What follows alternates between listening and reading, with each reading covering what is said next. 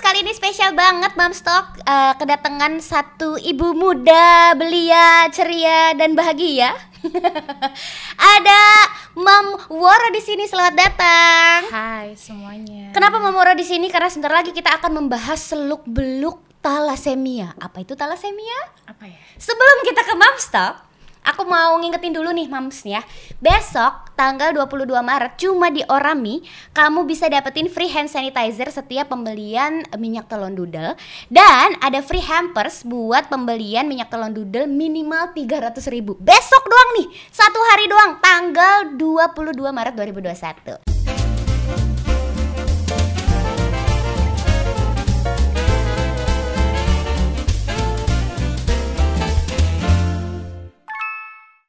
By the way, Mbak Wara apa kabar? Baik sayangku. Baik. Kita gak ketemu berapa minggu ya? Bentar doang baru kemarin baru kemarin nih ketemu ya. Kenapa kita kemarin aku ketemu. relate banget sama Mbak Woro ini karena dia adalah guru yogaku waktu hamil.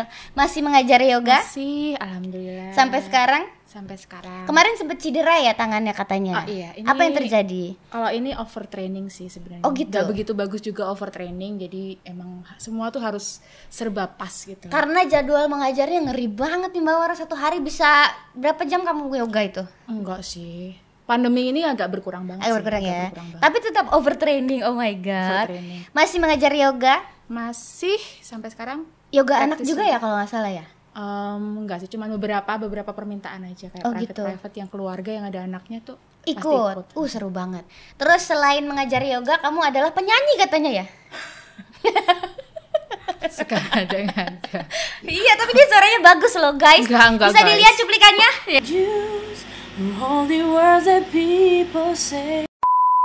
Oh, bukan itu Raisa ya. Oh kalau itu bener. Kan Gimana ya? kabarnya Mbak Wara? Baik Adis, baik sayangku. Aku mau tanya, eh, kamu itu kan ibu dengan anak talasemia, betul? betul sekali. Talasemia itu apa? Mungkin Mams di rumah belum tahu nih. Harus pelan-pelan nih ngomongnya ya. Hmm. Karena takut salah ngomong karena aku bukan ahli darah juga ya. Jadi aku juga nggak tahu sama sekali tentang talasemia sebelum aku punya anak ini. Mhm. Pas aku hamil juga nggak expect kalau bakalan ada new normal. Mhm. Aku tuh new normal berarti udah dari 2015 berarti. Normal versinya Iya, kamu dan versi keluarga aku. gitu ya. Terus tahun 2015 tuh anakku lahir. Eh, harus ceritain runtut ya nih ya. Hmm, terserah, terserah. Jadi anakku itu lahir dengan kelainan darah yang namanya talasemia, teman-teman. Awal diagnosanya gimana tuh? Eh, Begitu lahir langsung, lahir, ketahuan? lahir langsung. Jadi pas lah, eh, dia tuh nggak prematur, dia tuh cukup umur, Mhm. lahir di minggu ke-40 pas tapi sesar. Cowok Karena- ya? Cowok. Cowok. Karena pas eh, umur 8 bulan dokter kandungannya tuh bilang, "Ini kenapa nggak berkembang ya?" gitu. Maksudnya kenapa berat 8 bulan di kandunganku? Karena berat badannya tuh nggak naik gitu. Mhm, Jadi terus kenapa kok nggak berkembang? Terus kita lihat dulu ya sampai sampai apa? Sampai HPL. HPL-nya. Tapi sebelum HPL kalau misalnya memang benar-benar ada masalah kita eh, sesar aja kita Mm-mm, tentukan tanggal. Oke, Akhirnya berarti sebelum 40 pas sebelum 39 minggu itu aku langsung bikin tanggal, bikin jadwal, kita sesar. Tapi itu di dalam kandungan anak posisi aktif seperti Aktif, biasa cuman ya? dia sungsang. Hmm. Dia sungsang cuman dokter itu mempermasalahkan kenapa dia itu nggak berkembang sesuai dengan berat badan bayi di perutku gitu. Minggu-minggu terakhir kan biasanya kan cepet Iya, banget cepet kenaikannya banget. harusnya ya. harusnya naik cepet ini kok dari yang 8 bulan tuh nggak naik gitu loh sampai ke 9 bulan itu pas lahir dia tuh nggak nangis Mm. nggak nangis terus dokter dokter ngelihat udah mulai aneh tuh. Kan kita kan kalau sesar kan masih sadar ya ngeliatin muka-muka dokter Suami mendampingi? enggak enggak Oh, enggak. boleh waktu itu. Belum boleh. Sekarang udah boleh? Udah boleh. udah boleh. Dulu belum boleh. Terus abis itu em, harusnya kan kayak nempel ke ibunya itu juga IMD enggak ya? dilewatin aja. Aku terus nangis aja. Aku ngeliat kok anakku kok di, diem aja nggak nangis. Terus Mhm. Kenapa nggak ditempelin ke aku? Padahal kan waktu sebelumnya kan aku ngeliat di YouTube kan oh ya ampun nempel ke Referensi nempel, udah oh, banyak, oh, banyak ekspektasi banget. gitu udah banyak ya. banget. Aku, aku bakal memikirkan aku pasti nangis banget waktu anakku nempel di dadaku gitu. Ternyata nggak ada di Ternyata nangisnya beda. dilewatin di anaknya. Anaknya digendong eh, digendong suster lewat. Aku cuma ngeliat gini set gitu. Ada apa ini? Terus dokternya bilang nggak apa-apa ya bu ya gitu gitu mungkin karena aku masih masih dalam prosesnya belum selesai kali ya. Tapi suamiku di luar yang nerima anakku dan kabar langsung tuh langsung dikasih tahu ini anaknya tadi nggak nangis pak eh, dan agak kuning langsung diobservasi ya gitu jadi langsung dibawa ke ICU anak Mhm. NICU ya. NICU sampai hari kedua aku tuh nggak ketemu anakku sama Hmm, sekali Karena masih diobservasi. Mm. kan kalau BPJS lahiran sesar kan cuman boleh tiga hari kan ya Mm-mm, tiga di hari. rumah sakit. Mm-mm. dikasih pilihan mau extend tapi biaya sendiri karena anakku masih di situ atau pulang katanya gitu. Aku mau extend dulu. Aku mau uh, penasaran nih ada apa. Nah itu pas hari pertama itu dis langsung ketemu sama dokter anak. Hmm. bukan dokter spesialis ya dokter anak. Dokternya itu langsung bilang ini harus dicek HB HB-nya dicek ternyata cuma 6 padahal kalau bayi itu harusnya 10 sampai 12, 12 ya. HB-nya cuma 6. cuma 6 pas Makanya lahir dia itu kuning juga hari ya? pertama heeh. terus hari pertama malam dokter langsung bilang "E, ini tanda tangan ini tanda tangan tanda tangan. Besok pagi harus transfusi darah. Jadi anakku tuh hari pertama itu udah masuk ke inkubator di ICU gitu terus selang-selang infus macam-macam terus kabel-kabel gitu dia nggak bisa Berat badan terhitung kecil atau berat normal? badan waktu lahir dua setengah kilo. Itu normal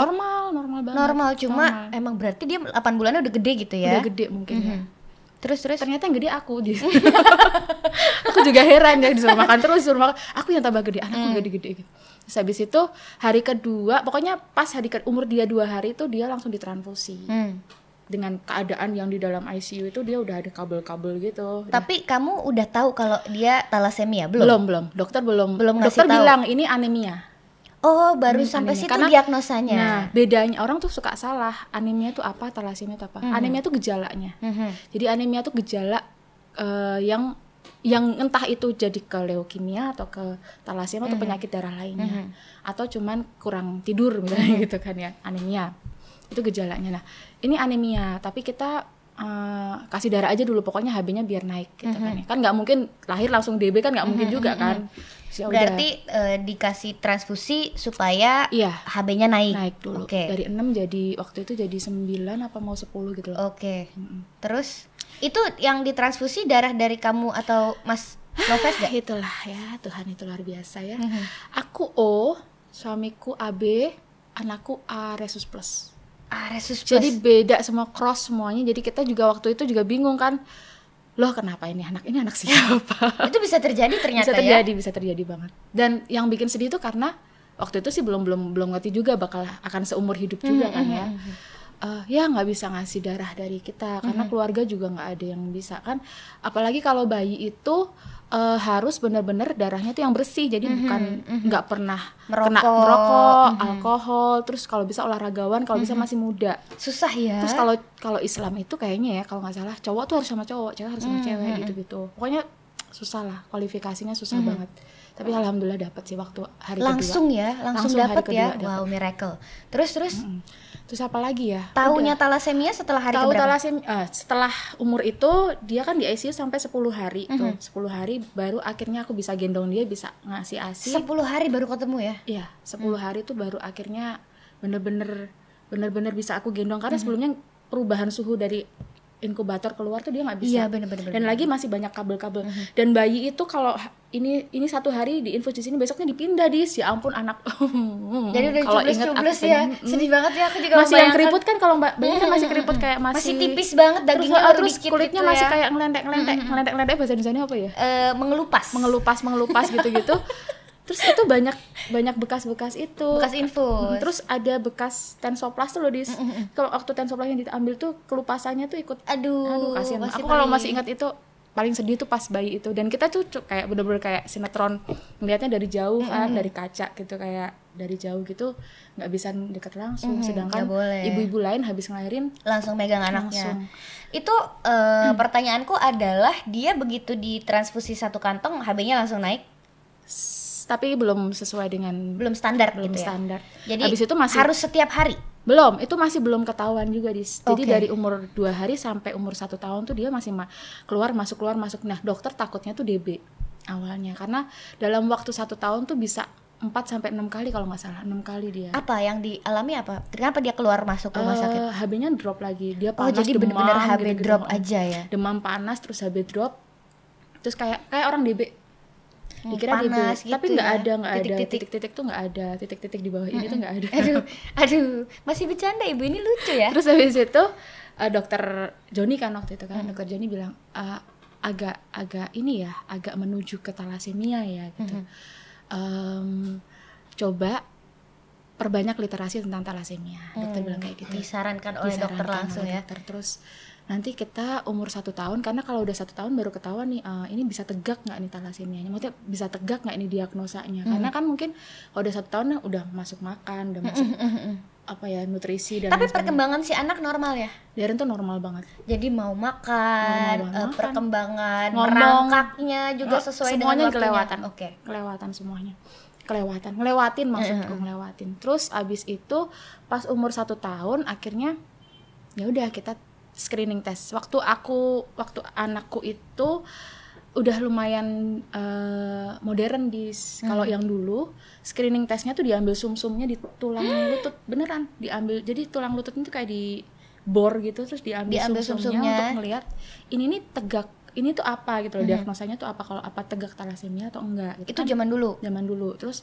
waktu Darren itu alhamdulillah udah ada kayak mengambil garis tepi darah. Itu gimana tuh? Em, aku nggak tahu ya pokoknya Cuma diambil namanya screening darah screening biasa. talasemia namanya. Em, diambil garis tepi darahnya dilihat apakah eh, ini tegak talasemia atau enggak. Gitu. terus nanti bisa ketahuan talasemianya itu talasemia yang apa. Oh, ada jenis-jenisnya juga ada ya? jenisnya banyak. Ada tiga. Jadi talasemia mayor Mhm. Minor. intermediate. Intermediate dulu sama minor. Kalau mayor itu yang setiap bulannya harus transfusi darah. Thalassemia mayor tuh ada dua lagi dibagi lagi. Tergantung dari kan kalau darah tuh ternyata kayak itu loh dis. Kayak kalau matematika tuh apa ya? Kayak ada garis-garis pagar-pagarnya gitu loh. Jadi darah titik terus ada pagar garis terus titik lagi pokoknya kayak gitulah kira-kira. Nah itu alfa atau beta? Thalassemia mayor tuh masih ada alfa sama dan beta. Heeh, perbedaannya nanti ke umur umur umur HB-nya Umur HB-nya oh Umur jadi HB-nya, harus transfusi Nah, se- gitu. setelah berapa lama itu Ya, beda yang eh, alfa, sama itu beta. hampir lebih rentan untuk cepat Oh jadi harus cepat ganti ya. Eh, kalau, harus cepat transfusi ya. Mm, kalau beta masih yang 30 hari lah Kalau yang minor itu gimana? nah kalau kan ada Intermediate, mayor intermediate. intermediate dulu habis mayor tuh yang benar-benar harus rutin ta- eh, transfusi darah transfusi ya bukan cuci darah ya orang suka salah tuh Ya. dikira Nanti cuci kita darah. perjelas lagi bagian Mm. itu. Terus Intermediate? intermediate itu yang eh, biasanya tuh nggak ketahuan Mhm. jadi transfusi tapi misalnya lagi eh, h- Pas DB drop aja. pas drop Oke. DB atau misalnya lahiran orang tuh sering sering ketahuan kalau thalassemia pas lahiran dis Itu berarti intermediate karena tidak yang harus rutin. karena ya? nggak harus rutin dan memang benar-benar dia butuh darah tapi nggak yang nggak yang apa ya mendesak banget gitu loh dis yang satunya tuh minor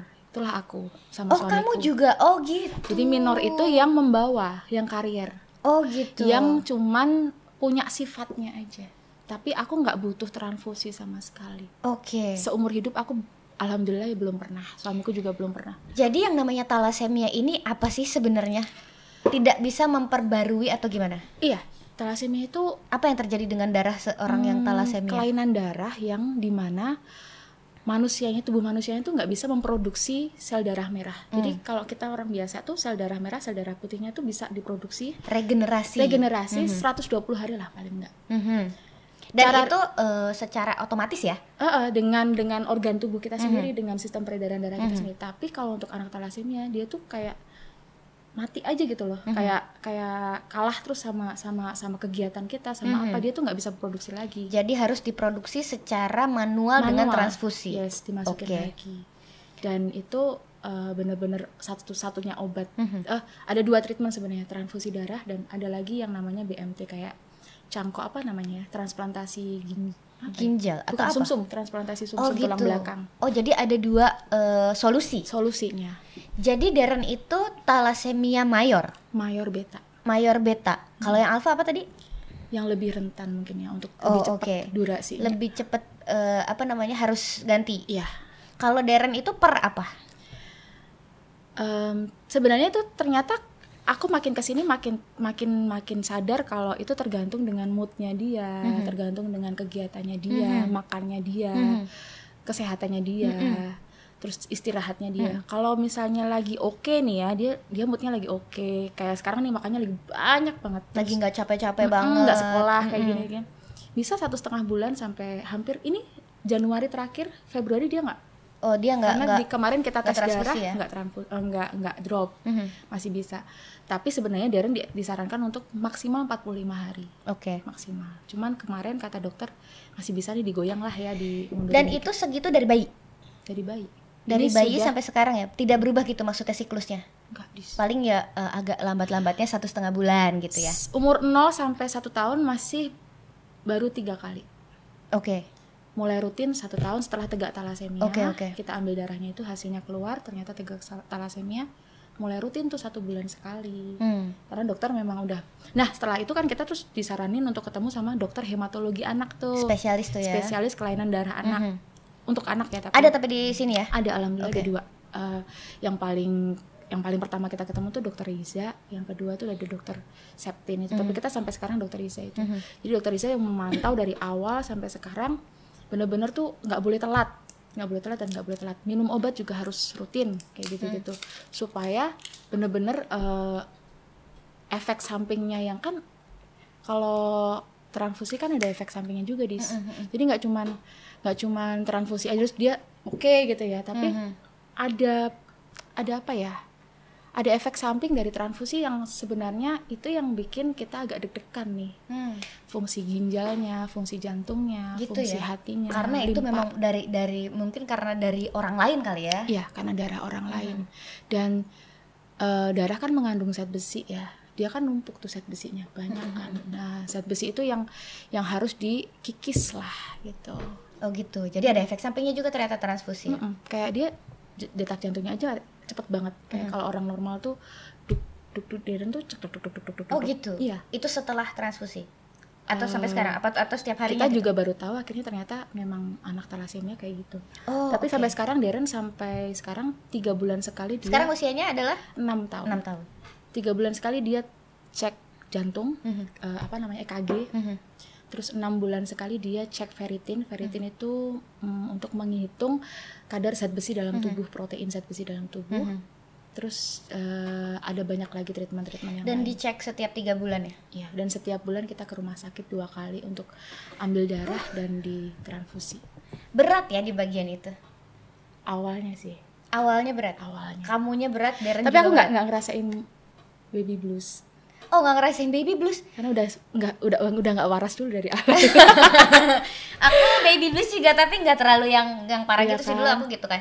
Cuma kamu kan eh, bayangin aja 10 hari baru bisa pegang anak gitu kan pasti berat sekali. Apa rasanya dulu nggak ngerti setelah ya, ya. melahirkan? Bagaimana apa yang kamu rasakan sebagai ibu? Karena mungkin di sini ada ibu-ibu dengan anak yang punya gejala yang sama mungkin. Ya bohong banget kalau nggak stres Iya ya. pasti. mungkin itu baby bluesku udah di situ kan ya. Mhm. cuman aku yang lebih ke waktu itu lebih ke yang nggak tahu lagi mau gimana Mhm. anakku bisa hidup aja aku udah seneng banget karena di ICU itu kan ICU loh di Mhm. ICU baru lahir ICU yang benar-benar eh nggak tahu nih anakku mau gimana Mhm. akhirnya Tuhan tuh mau punya rencana apa cuman ya udah di- dijalanin ya ya bohong ya kalau dijalanin ya waktu itu aku tuh nggak nggak nggak mau yang yang ketemu orang banyak Hmm. karena Males ditanya-tanyain. beneran beneran kamu Males kan ditanya-tanyain iya dengan pasti. keadaan anakmu sehat aja Mm-mm. ditanya-tanyain apalagi anakku kayak gitu disalahin dis Mm. ketika orang-orang tuh ngasih tahu hah talasemia berarti talasemia kan menurun siapa yang bawa kamu apa suami kamu Tapi berarti benar, talasemia itu menurun. iya satu satu salah satu cuma satu masalahnya talasemia Penyebabnya nih? penyebabnya cuma genetik tuh nggak ada yang lain bukan nular Ah, bisa dicegah nggak sih sebenarnya? bisa jangan Dengan- punya anak Nggak maksudnya ada misalnya nih, kalau aku eh, pikiran orang awam ya, misalnya eh, sebelum menikah cek darah dulu si Ada, itu. si istri dan suami kalau nggak salah ada gitu-gitu. ya. Screening test. Soalnya kakak iparku di Italia juga kayaknya sama deh soal resus dan golongan darah Iya, tuh iya, mereka sama sehingga mereka eh, harus menjalani satu treatment tertentu sebelum mereka punya anak gitu. aku denger sih di situ itu di luar di luar negeri itu udah aktif banget itu. Iya. screening test bukan Kayak cuma screening test doang. vaksin vaksin Iya, sebelum punya sampai anak tuh kayak runtutannya panjang banget gitu ya. makanya banyak orang nggak nggak menikah resmi karena mereka males ngelakuin nge- ngelewatin masa-masa itu proses itu.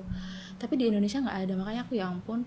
Em, kalau aku tahu mungkin aku akan ngelakuin itu juga kali ya screening test itu penting banget jadi ketahuan siapa yang ap- apakah salah satu dari kita tuh punya eh, gen talasemia Hmm. gitu. dan sebenarnya nggak cuma talasemia aja penyakit penyakit lain akan ketahuan di Mhm. situ juga penyakit darah lain atau Mhm. penyakit bawaan lain Mhm. gitu satu-satunya cara supaya jangan sampai anak kita talasemia menikah dengan orang yang nggak nggak talasemia Hmm. yang nggak punya sifat pembawa Kalaupun iya, kalau Kalaupun kita iya. menikah sama orang yang thalassemia, Oke, em, ini pernah aku obrolin sama dokterku ya. Em, aku pengen punya anak lagi sebenarnya. Hmm. Terus aku ngobrol-ngobrol, terus dokter menyarankan untuk ini kayaknya kalau kalau anak kedua karena anak pertamanya mayor dan beta itu Hmm. kemungkinan anak kedua itu akan akan mayor lagi Mhm. eh, sekitar 50%. Mhm. 25 persennya adalah intermediate atau Hmm. minor. Hmm. 25 persennya adalah eh, nah, intermediate dan 25 persennya adalah minor. Oke.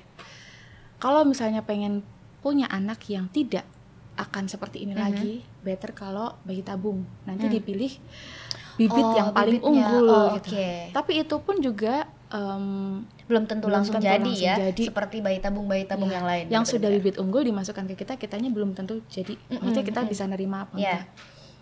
Ya tergantung bagaimana anda menyikapi ini nanti gitu ya. Mhm. Kalau tapi ada juga sih kata-kata dokter di luar negeri. Jadi kalau mau anaknya sembuh, bisa tuh diambilin sumsum dari adiknya. Kalau adiknya normal. Oke. Kalau adiknya normal, itu juga bisa jadi penyembuh juga. Jadi diambil sumsumnya ditanamkan ke Ke deren kakaknya. dari adiknya nih. Mm-mm. Terus nanti dia akan produksi darah merah dengan sendirinya. Eh, bukan produksi darah merah, cuman dia udah nggak butuh transfusi lagi. Oke. Tapi dia masih punya pembawa. Hmm. Masih jadi dia jadi, Jadi dari gennya mayor dia ya? jadi minor Oke, oke, atau oke. mayor jadi intermediate. Oke oke. Jadi Gitu. turun turun, Turun- kelas ya kalau. BPJS Oh, ya. Iya, turun kelas. Terus kalau tadi aku tanya kondisi kamu, sekarang aku mau tanya kondisinya Deren gimana sih? Kan susah nih pasti. Kamu sebagai ibu dengan anak talasemia yang dari kecil sudah terbiasa menghadapi eh, rumah sakit, terus dicubles-cubles, itu kan eh, nggak kebayang ya aku tuh aduh gitu. Hmm. Tapi Deren gimana sih? ya ya waktu kecil waktu umur satu tahun tuh bayi ke satu tahun tuh masih yang kita aja marah gitu loh Mm-mm, melihat mm-mm. susternya ngambil darah kadang kan bayi kan melawan kan ya Iya. diambil ditusuk-tusuk 8 kali Sekarang mau 10 vaksin kali. aja uh, gitu ya, stres juga gue. ya. apalagi anak bayi gitu waktu Mm. waktu bayi sih kita yang lebih emosi sih anak kecil kan cuman nangis cenger gitu kayak ngelawan-ngelawan kayak gerak-gerak gitu dia mulai melawan itu umur satu tahun setengah ketika dia udah mulai ngomong dia sempat yang stop berbicara itu sampai aku stres banget aku bawa ke YPAC sorry banget ya Stop berbicara kenapa nih? dia mogok Nggak mau ngomong? ngobok mau eh Mogok. mogok mogok ma- ngomong Hmm. mogok ngomong sama bapak ibunya toh Hmm. sama orang lain mau Ngambek ya Ngambek. ya. Dan itu dalam waktu yang lama. satu setengah tahun sampai dua tahun setengah Wah. Sampai Setahun. akhirnya di sekolah. Hmm. aku sampai ketemu sama psikiater sama dokter tumbuh kembang anak Mhm. dokter profesor Harsono Salimo itu ya. Mhm. ternyata masalahnya karena dia itu trauma. Karena bapak ibunya selama ini support si dokter dan suster Susternya. untuk ngambil darahnya dia. mungkin treatmentku yang salah mungkin ya.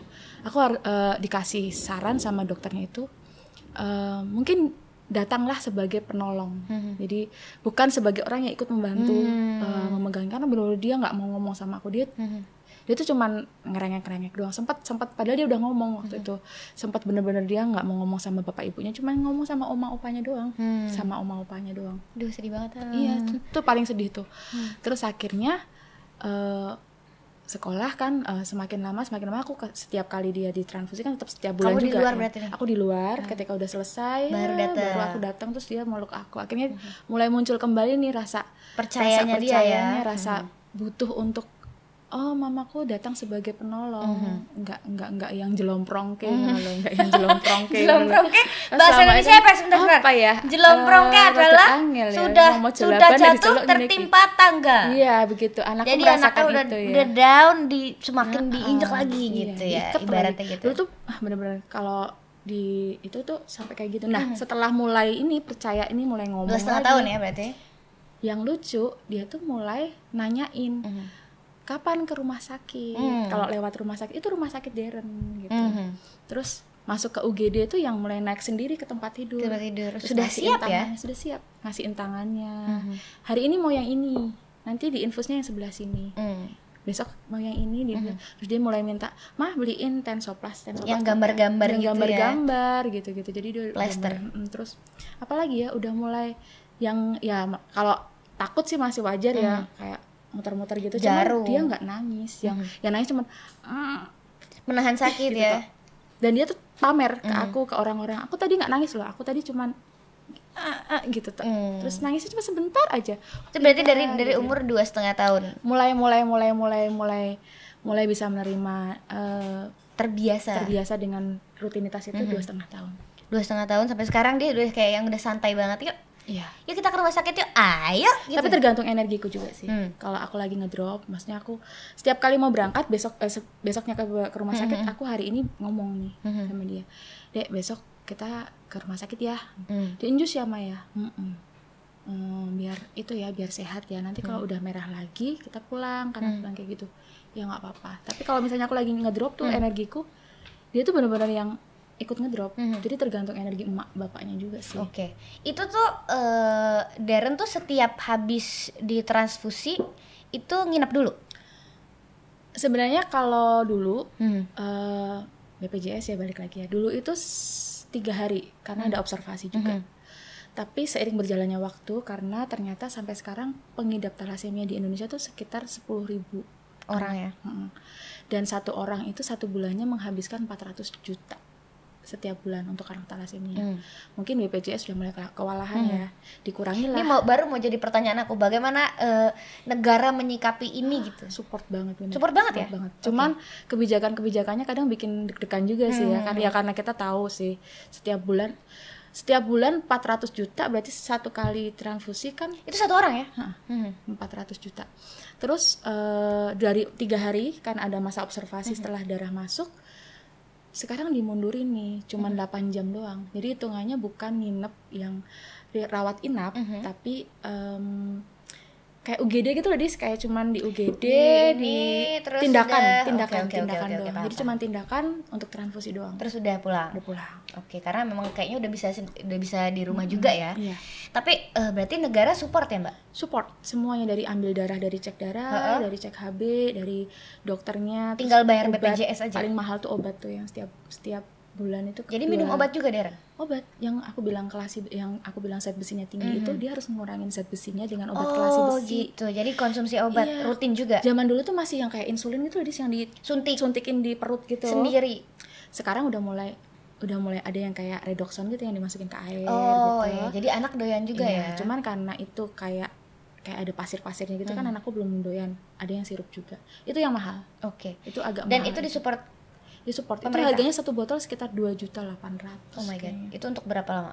Setengah bulan 40 dari 3 iya nggak sampai Berarti itu gratis dari BPJS. gratis alhamdulillah. Kalau dulu dari awal berarti memang treatment si Darren thalassemia ini dengan BPJS dari awal.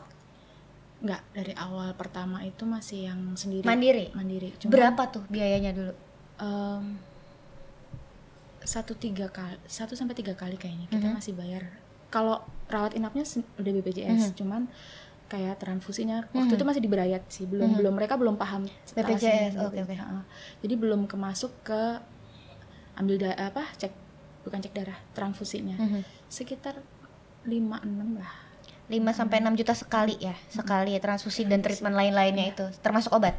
enggak itu udah masuk BPJS cuman kita cuman lepas dari Oke. transfusinya dan itu masih ngambil sendiri Kalau masih sekarang antri sendiri ke ke PMI sekarang bayar gak? sekarang aku udah ikut ke yayasan jadi kayak kita punya aku punya yayasan Komunitas, komunitas gitu ya. gitu nah setiap yang udah masuk komunitas itu udah gampang banget PMI udah tahu udah kita cuman tinggal tinggal apa ya kurang maju ya Tis, ya Mm. kita tinggal apa ya tinggal datang ke rumah sakit ntar yang ngurusin semuanya rumah sakit kita nggak perlu ambil darahnya yang nyari juga dari rumah sakit, bla bla bla bla. asal kita udah masuk ke yayasan itu Oh gitu, jadi ada semacam keanggotaan yang memudahkan Iya, juga member- ternyata. Oke, ada komunitasnya mams kalau misalnya Iya. ada mams eh, dengan anak talasemia yang menonton. Tapi mm, pernah ngalamin yang namanya eh, kekurangan kantong darah nggak? Pernah kan dulu Aku inget dulu kamu Iya. pernah ngepost terus aku juga ikut nyariin Iya. temanku ada yang mau aku mau aku mau Pernah. gitu. Itu tuh pernah dulu eh, darahnya Darren tuh termasuk langka nggak sih? Ah, resus positif? enggak sih Sebenarnya enggak? angka enggak banyak sih Mhm. cuman orang Indonesia itu kalau lagi puasa itu males Transfusi. eh da- donor darah. Apa donor darah ya, Jadi bener-bener. stoknya pas puasa. Nah ini nih orang jarang tahu eh stok darah di PMI itu kalau pas puasa Lebaran tuh habis. Hmm. Bener-bener stoknya tuh tipis. Dan karena orang lagi puasa kali ya males gitu ya, mungkin lagi aduh Hmm, Wah, capek. aku jadi gitu. bangga dengan kantorku. Oh iya? Karena di kantorku sempat kita mengadakan donor darah di bulan puasa. Itu penting tuh. Iya Bulan benar. puasa paling Beneran penting. itu kita bulan puasa kemarin tuh sempat di kantor ada terus mengajak kerjasama orang-orang dari satpol pp. Terima kasih bapak-bapak satpol pp. Jadi banyak banget sampai kita kalau nggak salah menghasilkan eh, 400 kantong darah gitu.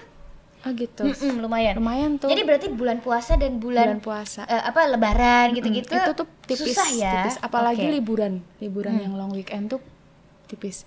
Karena yang butuh darah nggak cuman kita juga. Tidak hanya orang-orang Tidak hanya tala- orang thalassemia ya thalassemia. betul. Dan anak thalassemia kayak Darren tuh ya. Mhm. A, resus plus itu pun juga harus dicari lagi yang sesuai. Mhm. Mungkin stoknya masih ada tiga misalnya.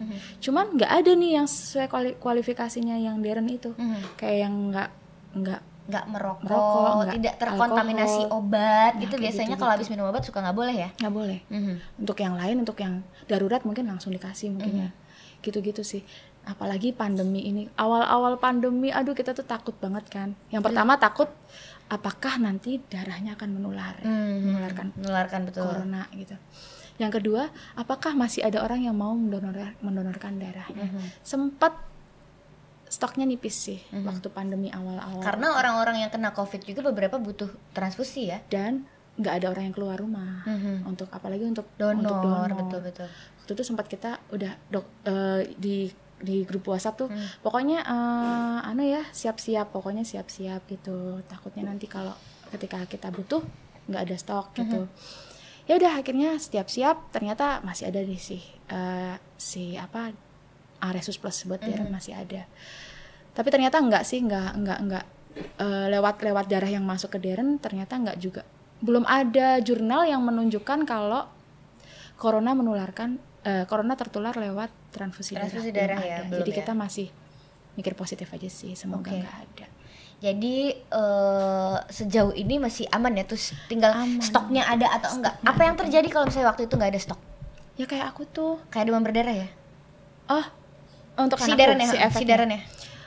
efeknya ya kayak kayak kuning Oke. kuning terus pucat terus Mhm. Lemas. lain-lain lemas terus panas demam dan fungsi organ yang kita takutkan Oh, sih gitu lebih ya? ke fungsi organ sih kayak gagal Efek samping berarti ya? Iya, Hmm. karena kan gagal jantung kan darah kan berhubungan banget sama semua semua organ tubuh organ, kan kena betul. darah kan ya, dilewatin darah kan. Ya fungsi organ sih takutnya cuman gagal salah satu. Karena kebanyakan anak talasemia itu banyak yang dulu-dulu sih, dulu-dulu itu banyak yang nggak terselamatkan di atas usia 30 tahun.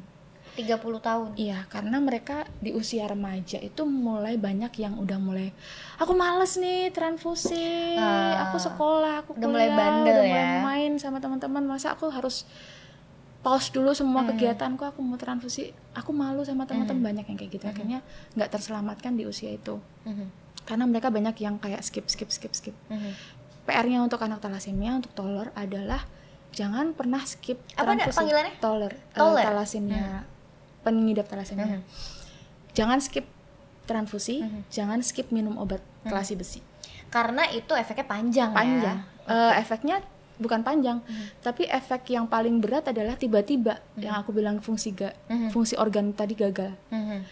Banyak yang tiba-tiba langsung ICU aja, Mhm. udah yang nggak bisa ketolong aja. Jadi emang benar-benar harus rutin ya. Ya Kalau kan, tadi kamu sempat cerita soal solusinya kan ada dua nih. Yang satu transfusi, ada satu lagi apa tadi namanya? BMT, Eh, itu eh, transplantasi sumsum tulang belakang. itu kamu ada eh, tahu informasi soal itu nggak? Ini lagi ada nih, lagi ada nih di kalau mau cek di YouTube-nya siapa ya?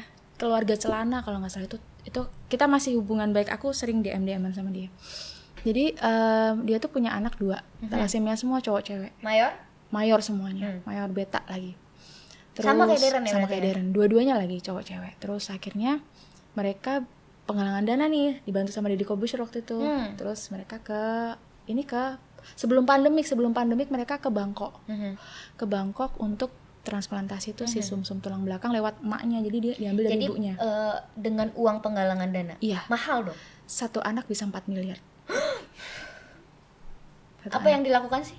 Mereka bisa loh Yang ditransplantasi apa sih? diambil sumsum tulang belakang donornya pendonornya Oke. jadi waktu itu karena Dengan ibu kualifikasi tertentu, ya berarti. tertentu ceknya oh luar biasa Makanya kayak kayak eh, kalau keluarga yang bisa tuh adiknya yang normal gitu kan. iya dan kebetulan karena adiknya dia juga thalassemia ibunya karena ibunya cocok Mhm. rencana nanti adiknya itu diambil dari orang lain rencana Oh, tapi berarti ternyata ini berarti ini baru satu anak tuh. baru satu anak dan Oke. tapi ternyata belum berhasil kasihan banget pokoknya kalau kalau mau cek cek di akun YouTube-nya itu keluarga Selana kalau nggak salah Belum berhasil. belum berhasil Berarti masih ada kemungkinan gagal.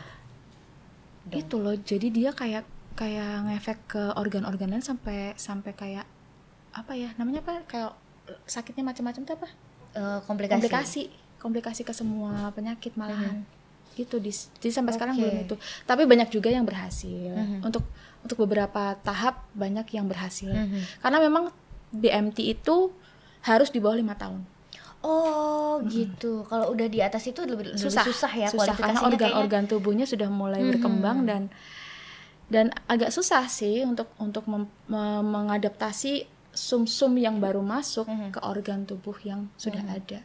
Iya, emang beda ya karena sesuatu yang dimasukin Nah ke mungkin tubuh si kita yang bukan ini berasal dari oh, sini. mungkin si gitu Conan ya. ini adaptasinya terlalu berat mungkin ya makanya komplikasinya agak banyak gitu. Mhm. Tapi katanya sih ya satu-satu eh, ada dua cara untuk anak talasemia bukan bertahan hidup sih dis tapi qualif quality of life-nya tuh Mhm.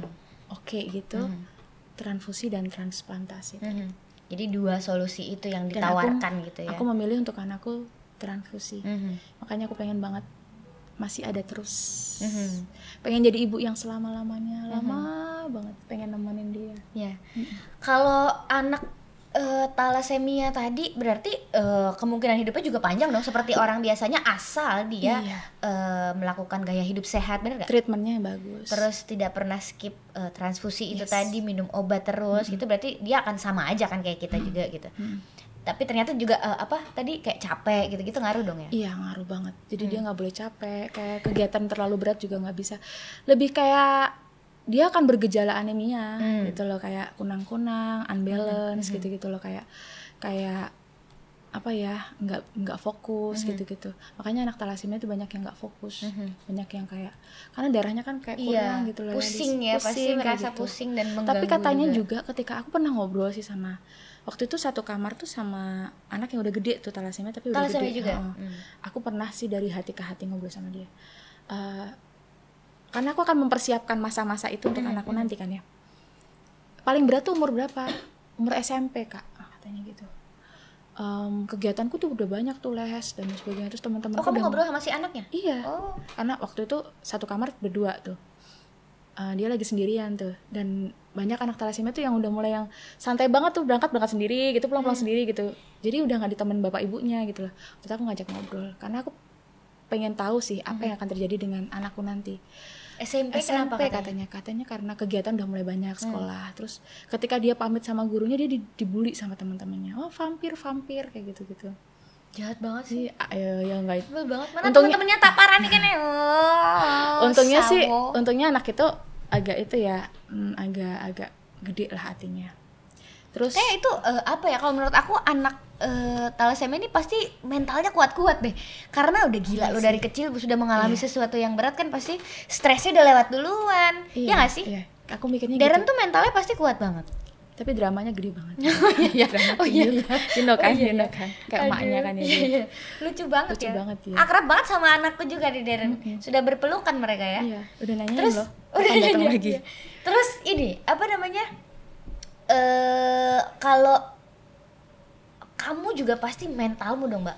Kalau omongan-omongan tetangga sering nggak omongan Oh, teman-teman oh, oh, tetangga oh, oh, oh, apa gitu-gitu gimana sih mereka menghadapi atau apa mereka tuh apakah lebih ke mengasihani atau ke membuli atau ke menyalahkan? nggak ngerti ya Disya itu antara iba kasihan sama nyukur gitu. Aku nggak ngerti ya beda tipis ya omongan orang. Itu kan kita nggak tahu hati mereka ya. Kata eh mesake. Tapi Yang per- tapi sinis gitu ya kadang-kadang ya menjahat netizen. Yang paling sebel banget sih eh, mungkin karena aku sudah menemui mereka ketika aku pulang duluan sedangkan anakku masih di ICU pulang ke rumah duluan dan anakku masih di ICU itu kan udah banyak tetangga-tetangga yang datang tuh yang bawa hampers hampers tapi kok anaknya nggak ada? Ke mana? Terus pertanyaan pertanyaan anaknya Itu berlahir kenapa? dan sebagainya. Padahal kita masih sesar tuh ya kita, ngom- kita ngomong sedikit kan masih pedes banget kan sesarnya. Masih ada hormon-hormon sisa-sisa hormon hamil yang Iya, sensitif itu, loh. Cuman kan aku lebih ke waktu itu nggak tahu, aku lebih ke sedih, banyak sedihnya sih daripada emosinya di waktu itu.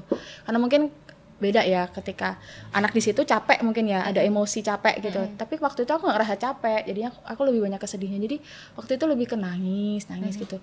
Orang-orang yang ngatain ini oh jadi talasemia itu menurun. Jadi siapa yang bawa ini kamu apa apa oh ini pasti bapak ibunya punya dosa tuh dulu kayak gitu gitu ada di terus dikasih asi sok tahu kasih asi banyak kan ya kayak gitu.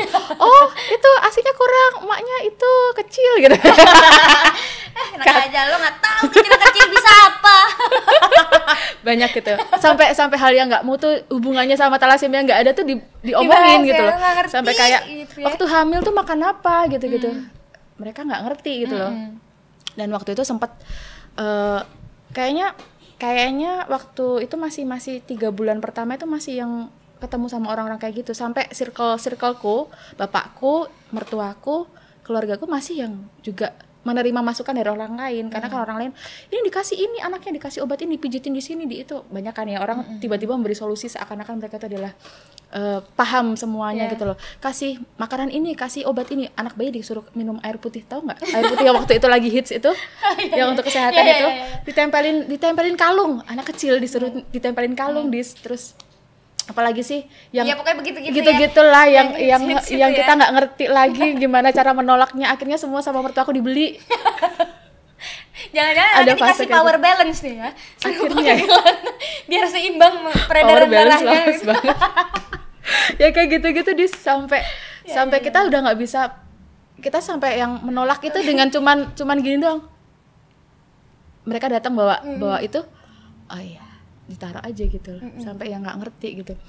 Itu sampai tiga bulan pertama itu sampai akhirnya suatu waktu aku di rumah sakit sama suamiku kita da- ngomong dari hati ke hati.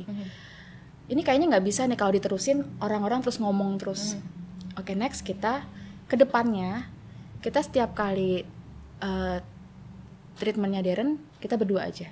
Kalau kamu nggak bisa ya aku kalau aku nggak bisa kamu Jadi nggak mau eh, ada orang lain yang intimidasi. nggak mau nggak mau dibantu. Mhm. nggak mau dibantu nggak mau ditemenin orang lain. Pokoknya ini kita selesaiin kita jalanin bertiga aku suamiku anakku. Cuman butuh itu tok. Kekuatan itu tok. Yang lain cukup support aja. Karena lebih banyak mengganggunya mengganggu segalanya sih. Terus pada akhirnya bagaimana cara kamu memfilter eh, apa ya? Omongan orang, apa yang kamu eh, lakukan ketika pertanyaan-pertanyaan tidak penting itu dilontarkan oleh orang lain itu jawabanmu gimana? pada dasarnya kalau suamiku kan cuek Hmm. untungnya dia di situ Ya kayaknya dia lebih melempar ya tuh tanya aja sama Woro tuh tuh tuh. iya kayak itu tiba-tiba kayak kayak kamu gitu. yang pasang pasang Iya. badan ya. Nah. Sepertinya seperti itu. Iya, dia tuh cuek. Jadi dia tuh aman dia, dia main aman. Ada orang kayak gitu, ya udah ditawarin aja sama emaknya gitu. Kalau aku tipenya yang frontal. Hmm. Cuman kadang suka bercandanya. Jadi semoga aja sih yang aku kasih tahu, kasih kasih pengertian, semoga aja nggak marah sih. Cuman cara aku ngomong kan kayak gitu. Hmm. Cuman ya ibu ya gimana pasti sering tiba-tiba sendirian ngeliat anaknya tidur terus nangis, lah Nangis. kita Sedikit kita cemas, kita hancurnya ya. mm, kita hancurnya kebanyakan waktu kayak gitu Iya iya iya ya. kayak gitu sih Terus eh, apa ya? Pertanyaanku pernah nggak sih kamu merasa kayak pengen menyerah atau menyesal atau apa gitu? Titik terendahnya tuh pas apa nih? titik terendahnya tuh kapan ya dis ya udah nggak udah lupa Udah lupa. aku pokoknya ngerasa hamil bahagia Ya, lahiran? Punya anak gitu ya. lahiran magic gitu. Kayak semua titik titik titik awal untuk kehidupanku ya pas aku ngelahirin anakku. Mhm. karena pas aku hamil tuh bener-bener masih yang aku happy masih kebawa yang aku mudanya dulu masih ketemu teman-teman dengan bahagia nggak ada pemikiran tentang apa-apa bener-bener berubah itu pas aku lahir anakku. Mhm. dan titik terendahnya itu ya pas nggak bisa. Nggak bisa nemenin anakku. Mhm. 10 hari itu. 10 hari itu. Tidak Berat langsung banget. bertemu ya. Nggak bisa. Megang aja nggak boleh. Mhm. karena masih ada banyak kabel-kabel. Mhm. dan kita kayak sinetron gitu kita dari jauh ngeliatin gitu. Dibikin eh, film bagus ya kayaknya ya? Iya. Maksud aku itu kalau dibikin film sebelum- Indosiar beli. Iya ya. Ini sembuhnya gara-gara TikTok lagi ya. Iya lagi. Tapi mbak aku tuh eh, sebagai orang awam tuh aku nggak tahu yang namanya talasemia sebelum aku eh, tahu Darren dulu oh iya jadi mudah-mudahan kita obrolan kali ini bisa mengedukasi Iya. siapa pun yang Makanya. menonton dan mendengarkan ya harus banyak-banyak apalagi yang mau punya anak ya yang Hmm. menikah itu harus memperbanyak literasi kesehatan Mhm. apa pun, Apa pun itu, itu, ya apa pun itu benar-benar. nggak cuma tentang talasemia apa pun itu termasuk eh, gimana cara cepat dan tepat untuk anak yang tiba-tiba kejang? Itu penting loh dis. Mhm, mhm. itu penting. Karena ternyata kejang iya ada juga nih eh, salah satu apa ya kolega cie oh iya. Eh, relasiku Relasi. itu yang anaknya sempat kejang karena virus. Dari Oh. Ini di luar di luar konteks ya eh, karena virus dari kelinci itu kan jadi dia melihara kelinci tapi nggak nggak pernah bersihin kandangnya bla bla bla bla. Hmm. terus akhirnya dia kena virus sampai akhirnya panas dan kejang habis itu setelah sebenarnya itu eh, sakitnya sih sebentar mbak cuma kayak ada syaraf yang kena terus Iya. kan jalannya jadi susah gitu bener, bener sepele bener, bener, tapi bener, bener. tapi kayak ada banyak hal yang eh, bisa terus kita pelajari Ah, gitu ya efek jangka panjang Mm-mm. itu ya Ternyata seperti itu. Ada yang mungkin pengen kamu sampaikan ke orang-orang sebagai ibu dari anak eh, talasemia? Baik. Ayo. aku pun masih belajar banyak karena masih sering sharing sama Hmm. teman-teman di komunitas ya Mhm. cuman em, aku senang sih ketika bisa sharing Mhm. banyak yang DM yang baru aja baru aja anaknya ketahuan talasemia banyak yang DM karena kan aku sering sering tuh bikin hashtag ya, oh, eh, setiap kali anakku transfusi aku sebenarnya bukan karena aku pamer ya sebenarnya cuman karena untuk inget-inget Mhm. sebenarnya untuk inget-inget oh tanggal ini aku transfusinya Sama ya. Mm-mm, karena oh tanggal ini aku nggak transfusinya berarti bulan depan tuh harus tanggal ini juga gitu. Dan yang kedua untuk ngedukasi sih ngasih na- nambahan nambahan sharing ke orang-orang yang apalagi followers aku yang jutaan itu ya. Waduh. Jutaan tapi nyamuk semua ya. jadi nambah nambah edukasi ke teman-teman sebenarnya eh, tentang apa talasemia cuman pengen sih talasemia tuh kelar gitu loh. Nggak nggak nggak nambah lagi tapi ternyata sampai sekarang masih nambah nambah nambah terus nggak apa-apa sih Eh, asal orangnya tuh siap ya Iya, betul. Nah, ibu-ibu yang talasemia sebenarnya jangan talasemia doang ya dis ya. Ibu-ibu ya. yang punya struggle yang sama mungkin ya. Ya kalau nyerah, kalau capek, kalau pengen istirahat, kalau pengen nangis, pengen cerita, pengen apa-apa, jangan di jangan di jangan di pause, Mhm. jangan di skip, Mhm. keluarin aja semuanya. Waktu itu untungnya aku punya suami yang support. Mau mendengarkan. Hmm, teman-temanku deket juga support. Jadi aku sering cerita. Dan aku tuh orangnya bawel kan di sosmed aja aku bawel. Sering cerita. Kamu tahu nggak teman-temanmu sebenarnya Risi? tahu. Kamu mute aku ya? kamu mute aku gak sih? Jangan storyku di mute. Enggak lah. pokoknya gitu cerita jangan jangan di pause jangan jangan ditahan jangan ditunda. Karena kalau ditunda nanti nanti malah jadinya malah eh ntar nih akan ada masanya ketika kita nggak kuat banget. Meledak ya. Mhm. karena energi yang kita bangun itu akan ngefek banget ke anak kita yang butuh support kita. Tapi sebenarnya lebih lebih ke anakku sih yang mensupport aku. Hmm. jadinya untuk untuk semua orang tua em, kalau kita mulai sedih mulai itu ya udah dikeluarin. Kalau perlu cerita aja sama anak. Mhm. aku cerita sama anakku sering cerita sama anakku misalnya. Seperti apa misalnya? capek nih ya capek Em, dia capek terus dipijitin gitu-gitu. Hal-hal sekecil itu ketika kita punya teman cerita apalagi tuh anak kita yang punya masalah dengan itu. Kayak misalnya dek besok kita eh, transfusi ya sakit nggak apa-apa lah sebentar. Tapi mah sakit banget loh mah. Ya udah sebentar aja. Ada pengennya apa sih habis ini kayak gitu? Jadi ada obrolan-obrolan gitu? Jadi dua arah jangan ya. nutupin ke anaknya. Nggak itu maksa penting. Ya. jangan, Jangan nutupin. dibohongin jangan ya. dibohongin. Jangan dibohongin. Ceritain aja. Anaknya diajak kerjasama yang bagus. Karena energi yang kebangun itu akan ngebuat kita kuat anak kita juga merasa disupport. Dan orang-orang di sekitar nanti juga akan cepat eh, a- akan menerima adaptasi dengan energi kita juga. Misalnya kayak ngambil darah jadi cepet kayak transfusi nggak ada efek samping kayak menggigil atau apa semuanya oke. Darahnya juga dapat bagus. Itu aku ngerasain sih di Ngaruh apalagi ya. aku aku kan jalan em, belajar meditasi juga ya. Jadi eh, hal-hal yang positif di antara kita ini akan ngaruh ke orang-orang dan lingkungan dan eh, eh, situasi yang kita hadapi. Mhm. Lebih ke situ sih, Dis. Oke, berarti eh, kalau boleh dirangkum, berarti soal talasemia itu berarti harus terdiagnosa dengan baik dan benar Dan ketemu sama dokter yang awal. baik, bener. ketemu dokter yang benar, terus bagaimana tadi eh, menghadapinya. Tinggal berarti kita sebagai orang tua misalnya dengan anak talasemia itu bukan menjadi orang yang mendukung seolah-olah mendukung dokter dan suster Itu. menyiksa gitu ya, tapi kita harus jadi eh, guardian angel buat mereka begitu treatment ternyata. Terus setelah itu eh, mental juga kayaknya harus diperkuat ya. Kayaknya kita sebagai ibu eh, itu emang digembleng mentalnya banget nih. Jangan ora trimonan ya kayaknya ya. Aja, Iya kan? aja sithik-sithik Nesu. oh, nesu aja ngono. Tersinggung tonggoku ya. Oh, ngono Terus ngono. eh, ada dikit-dikit tersinggung Ora ya. kowe dhewe. Ora dong. Ora. Aku tidak tersinggung, aku lebih cenderung menyerang ya. Kayaknya kita sama ya. Kayaknya sama ya. Sebelum disinggung, singgung aja dulu Heeh. ya kan. Itu eh, sentak sisan ya. mental harus kuat tapi jangan terlalu kuat nanti jadinya kayak saya ya. Terus sama Dikontrol ya, Bu ya, tolong ya, Bu ya. Terus sama boleh dong di-share komunitas ibu dengan eh, anak-anak talasemia di seluruh Indonesia mungkin atau apa yang kamu tergabung Eh, Eh, sosial namanya medianya? Popti. Ah, nggak ada sosial media. Kita cuma punya grup grup aja sih. WhatsApp. Oke, Popti. Namanya Popti per perhim persatuan apa perhimpunan ya? Persatuan Orang Tua Mhm. Pengidap Talasemia Indonesia. Indonesia. di Solo. Itu adanya di Solo. Ada dua, ada dua, ada dua, ada dua komunitas. Yang satu karena rumah sakit yang support kita kan Mhm. ada rumah sakit daerah Jebres RSUD. apa Heeh, Muardi. Muardi, oke. Mereka bikin komunitas sendiri. Mhm. Nah, aku kan sama Darren itu kan Sukoharjo ya, mau jalaban cayo. aku malu ya Allah. Silaban fighting.